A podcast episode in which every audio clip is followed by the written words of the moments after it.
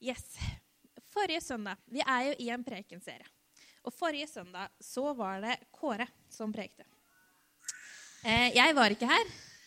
Jeg var hjemme med den skrikekrokka. Eh, men vi har jo podkast. Og noe av det Kåre avslutta med, det var Ingen, uavhengig av plager, synd eller bakgrunn, som har kommet til porten som heter Jesus, har blitt nektet adgang. En fantastisk slutt. I dag, når vi skal snakke om den gode hyrde, så er det på en måte port. Det har jo litt med hverandre å gjøre. Porten er Jesus. Eh, hvis man kommer til han, er det ingen som noen gang har blitt nekta adgang. Og i dag så skal jeg få lov til å snakke om den gode hyrde. Vi leser samme teksten som Michael starta med i stad, en gang til. Det er teksten for i dag, og det er Johannes 10, 14-16. Og den kommer opp. Jeg er den gode hyrde. Jeg kjenner mine, og mine kjenner meg. Slik som far kjenner meg, og jeg kjenner far. Jeg gir livet mitt for sauene. Jeg har også andre sauer som ikke hører til denne flokken. Også dem må jeg lede. De skal høre stemmen min, og det skal bli én flokk og én hyrde. Her er det jo flere elementer i de få versene her. Noen tenker kanskje at ja, ja, én hyrde, de liker hyrden, hyrden leder, og de følger etter. Hvor mange elementer kan det være? Men jeg skal dele det opp i tre. Og Første delen er jo vesentlig med den her. Det er jo hyrden.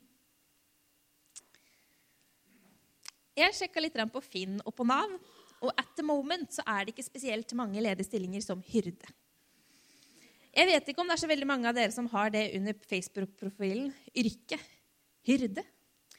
Men vi vet jo alle hva det er.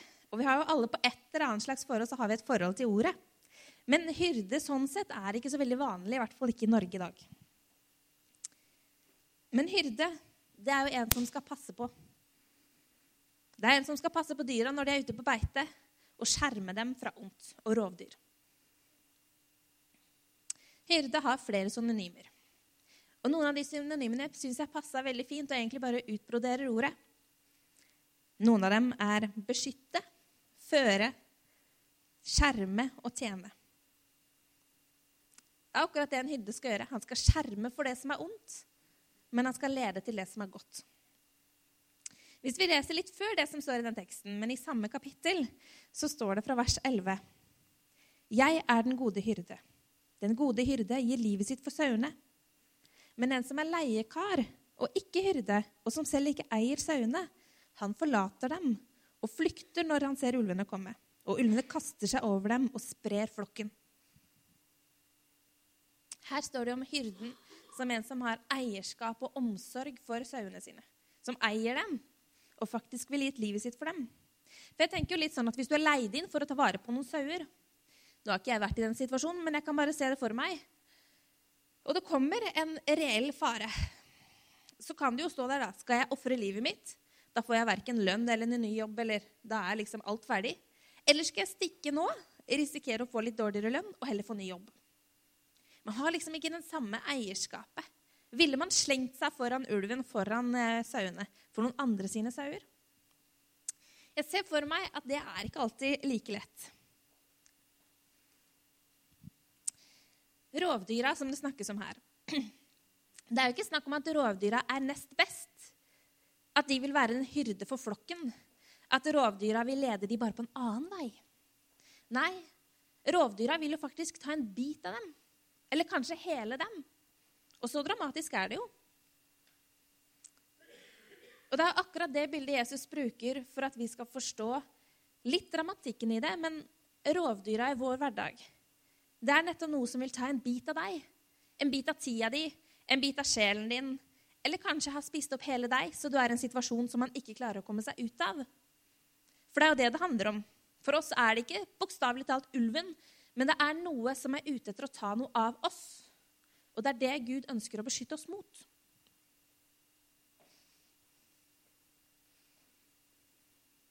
Men jeg vet ikke med dere, men det er jo ikke alltid det er like lett å la seg lede. Én um, ting er å bli leda på den veien du vil gå. Det er ikke så vanskelig. Men hvis du er uenig, så er det litt mer krevende. Jeg vet ikke om det er noen som har hørt om sauen Shaun. De som har barn, har kanskje hørt om det. Det er en liten sau, han er vel egentlig et lam, som er relativt rampete.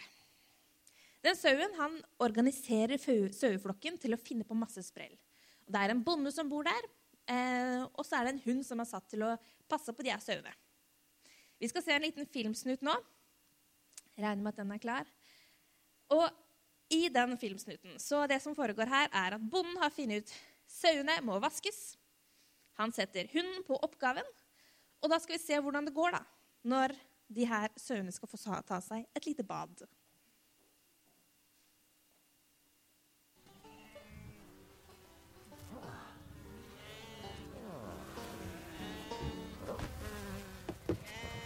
Right. Ja.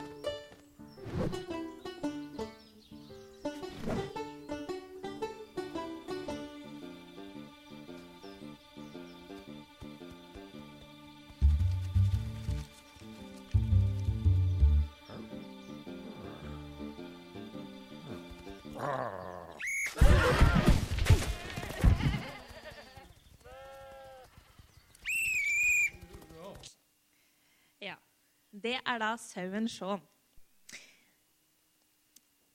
Det er et bilde som fungerer, men for all del, jeg tror ikke Gud noen gang hadde tvingt oss ned i et så kaldt vann. Han hadde nok spandert på litt mer jacuzzi-stemning. Men det er allikevel et fint bilde, fordi det at de trenger et bad, det er sikkert. Det svermer rundt av fluer, og de trenger et bad. Så da bonden som eh, omsorgsperson tenker at vel, da skal de få seg et bad. Men sauene er ikke enig.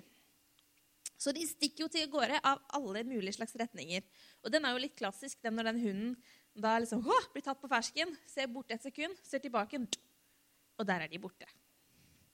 Jeg har hørt at det kan skje med barn. Jeg har ikke forsøkt det ennå, for hun ligger på samme område. Men hvis du snur deg ett sekund, ser tilbake, så er de vekk. Og sånn tror jeg kanskje at Gud noen ganger kan ha det litt med også. Forsøker å lede oss inn på noe godt og sier at eh, Kjersti, dette her er en veldig god vei for deg. Følg den veien her. Så bare mm, Virker kjedelig. Not for me. Og jeg velger en annen vei. Eh, og så Ja, men det var, det var, den veien der som var best. Plutselig så er jeg en helt annen vei, og egentlig ikke på samme veiskille i det hele tatt. Så da blir det en helt annen vei igjen. Jeg er nok ikke borte, men i forhold til det valget som jeg sto overfor, nettopp bad eller ikke, så er jeg da bak et tre hvor bad ikke er et alternativ engang. Og sånn tror jeg Gud kan ha det litt. Det er ikke alltid like lett det er å lede oss. I hvert fall ikke meg, når man ikke vil bli leda. Tidligere i teksten som jeg leste i stad, så sto det noe om at Jesus har også noen sauer som ikke er i hans flokk, men som er litt utenom. Men de må han også lede, sier han. Der snakker nettopp Jesus om de som ikke ennå har kommet til tro. De som ikke har en sånn relasjon til Gud. Men da er jo Jesus der allikevel og ønsker å lede dem. Så han holder seg litt i bakgrunn og venter til han får lov til å steppe inn. For at vi en dag skal få lov til å være én samla flokk under ham. Så Det var litt om hyrden. Jeg tror ikke alltid at det er en like lett oppgave. Men det er jo ikke en hvilken som helst hyrde vi har med å gjøre her. Det står jo i teksten at det er en god hyrde. Og nå har jeg vært gift med Niklas i litt over to år. Og han er jo en som liker ord og gresk og litt sånn forskjellige andre ting. Så nå prøver jeg meg, jeg òg. Fordi jeg så litt på det ordet 'god'. For hvis man skal vite at noe er godt, må man ikke da ha en erfaring med det, eller ha sett det, eller i hvert fall hørt noe om det? Hvordan skal man vite at noe er godt hvis man ikke har vært i kontakt med det? Jo, i den teksten som jeg har lest, akkurat det ordet 'god' der, det spiller på noe med godt vesen. Noe som bare er godhet i seg selv. Uten nødvendigvis å ha noen handlinger, uten nødvendigvis å si noe. Men bare å være god. Og det er akkurat det Gud er. Han er ikke nødvendigvis alle de handlingene og alle de tingene rundt, men han er i seg selv god.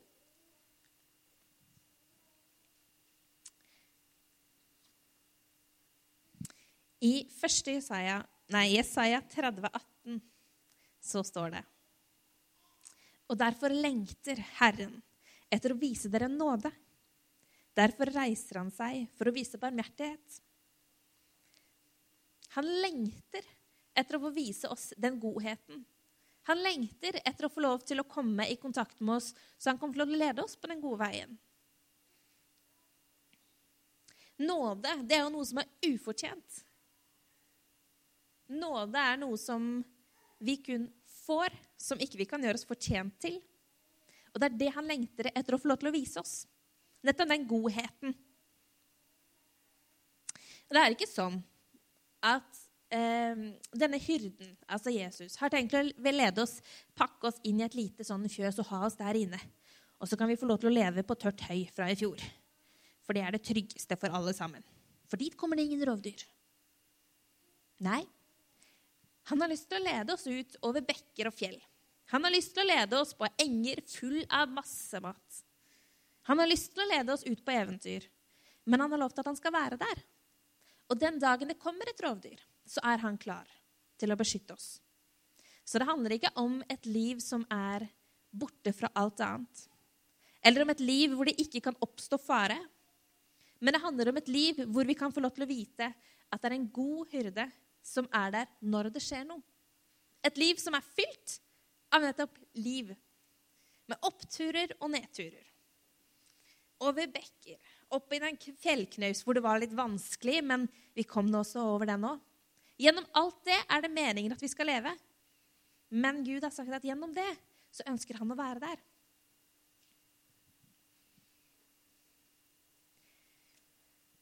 Dere har helt sikkert sett det bildet av Jesus med sånn lam over skuldrene. Det er vel ikke Jesus, men det er en hyrde. Det er et bilde på Jesus. Det er et gammelt, gammelt bilde. Og allerede tilbake igjen i den romerske keisertida så var det et veldig populært bilde, akkurat det der. For det representerte noe. Det ga et klart uttrykk for det gode liv preget av fellesskap og omsorg. Og På den tida var det litt annerledes enn nå. Nå kan vi google oss til ting, og vi har liksom et språk og et um, Vi kan lese altså alle de typer tingene. Vi kan tilegne oss kunnskap. Men da så var jo bilder enda viktigere enn nå. Et bilde var et uttrykk på så mye mer enn kun et maleri på eggen. Det bildet betydde veldig mye. Og det er jo akkurat det denne her historien ønsker å fortelle oss noe om. Det gode liv i fellesskap og om omsorg. Det tredje punktet som jeg ønsker å dra ut fra denne eh, historien, er å kjenne. Fordi det står jo at den gode hyrde, han skal kjenne oss, og vi skal slike, kjenne han slik far kjenner han. Å kjenne noen, da er du ikke bare på hils. Um, du kan være bekjent. Da er du kanskje litt på hils, men du kan kanskje ta en liten klem og spørre hva som har skjedd siden sist. Og så tar man en sånn høflighetsprat rundt det. Men hvis du skal kjenne noen, så må du jo ha erfaring. Du må jo ha noe som tilsier at du vet noe mer dyptgående om den personen. Det er ikke bare på overflata. Det er ikke bare Facebook-profilen som sier noe om hvem du er. Men hvis du skal kjenne noen, så er det litt dypere. Og Gud sier akkurat det, at det er det han skal med oss, og vi skal kjenne ham. Men det er jo spørsmålet hvordan kan, eh, hvordan kan han vite at det gjelder alle? Jo, han har skapt oss. Det sa vi jo i stad når vi velsigna Nikoline. Gud har skapt hver enkelt av oss og vet akkurat hvem vi er, hvordan vi tenker, hva vi har satt sammen, hva som gjør oss sint, hva som gjør oss glad. Han kjenner alt med oss. Men om vi kjenner han, det er et annet spørsmål. Men akkurat da han står i bakgrunnen og venter på at vi skal strekke ut en liten hånd for å komme i kontakt. Og da skal vi få en liten historie fra på en måte dagens hyrde. En sauebonde. Olav skal få lov til å fortelle en kort historie om nettopp det å kjenne.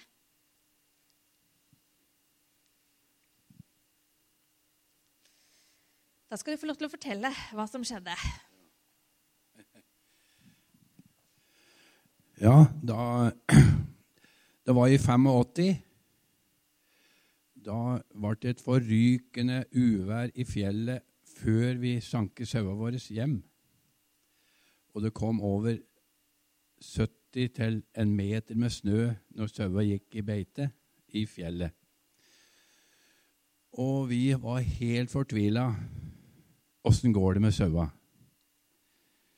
Og så Vi gikk på skier og så ikke sauer noen sted. Og, og, så var det naboen min, han heter Martin, og jeg hadde sau sammen inne i fjellet. Og Martin, han Vi gikk på skier. Og så var det sånne store graner med kvister. Så gikk en Martin sa 'kibba, kibba', og jeg sa 'pirra, pirra'. Og så ropte en Martin 'kibba, kibba'. Så svarte saua under ei gran. Da hørte de en Martin. Da gikk vi borti der, så så vi Der sto bare saua hos Martin. Så sa jeg, gikk vi lenger innover, og så sa jeg 'pirra, pirra'. Da svarte saua meg. Og jeg gikk under grana, og der var bare mine sauer. Sånn er det den gode hyrde hører min røst. Mine får hører min røst. Tusen takk. Det er jo egentlig akkurat det bildet i praksis. For det er jo akkurat det han sier, at um, vi skal kjenne hans stemme.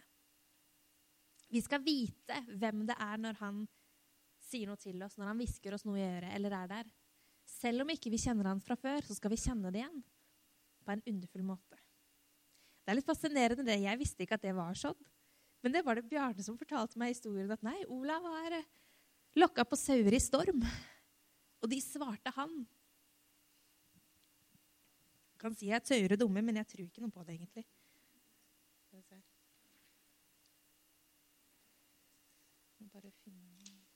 Ja. Hvis vi leser Johannes 10, 1-4 Vi kommer, bygger oss bakover i samme teksten. Sannelig, sannelig, sier jeg dere. Den som ikke går inn i saueflokken gjennom porten, men klatrer over et annet sted, han er en tyv og en røver. Men den som kommer inn gjennom porten, er hyrde for sauene. Portvokteren åpner for ham, og sauene hører stemmen hans. Han kaller sine egne sauer ved navn og fører dem ut. Og når han har fått alle sine ut, går han foran dem, og sauene følger ham, for de kjenner stemmen hans. Her er jo ikke poenget verken egentlig porten eller tyven, men nettopp det at de følger stemmen hans. Det er stemmen hans som leder dem ut fra det som er den trygge innhegninga, ut i verden, på en måte. Så er det stemmen til hyrden som gjør at de følger etter og blir med. Akkurat sånn som sauene til Olav kunne høre forskjell på når Martin kom, for det var jo en ukjent stemme. Man skal ikke følge med ukjente menn. Det vet til og med sauene. Mens den kjente stemmen, den kjente nære, som de har hørt fra de var små, den, den responderte de fra. Selv om de var midt ute på vidda, de hadde sikkert hatt en ganske heftig opplevelse, så var det den stemmen som skilte seg ut. Akkurat sånn er det med oss også når det kanskje er en liten storm rundt oss. Når det blåser litt heftig og snøen kom litt tidligere, kanskje enda mer enn tidligere også, og vi sitter litt fast under et grantre hvor vi ikke helt vet hvordan vi skal komme oss ut, så kan på en måte valget litt være skal vi være her. Jo da, det er trygt nå, men er det det smarteste? Eller skal vi følge den stemmen som vi kjenner så godt, og faktisk våge å gå ut der?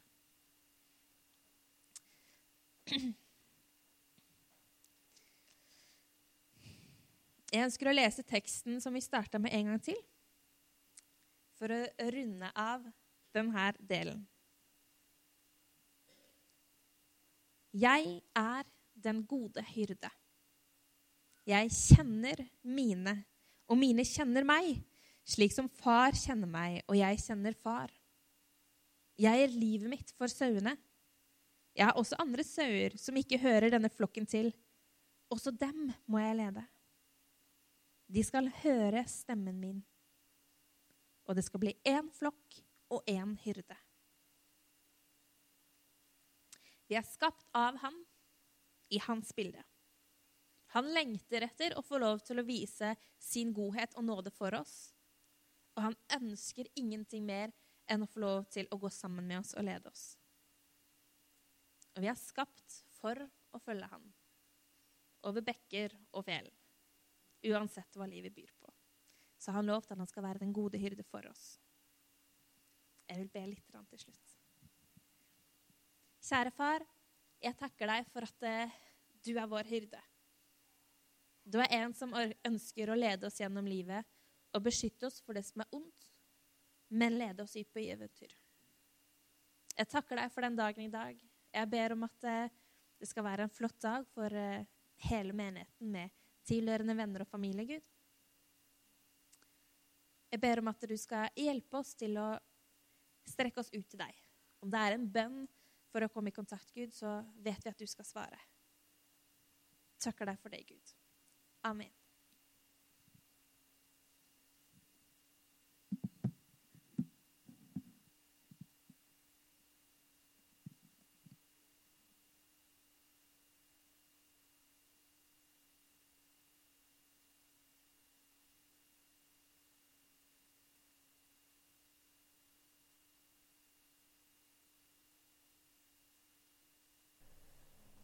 Takk for at du lar Gud bruke deg sånn. Det var veldig fint.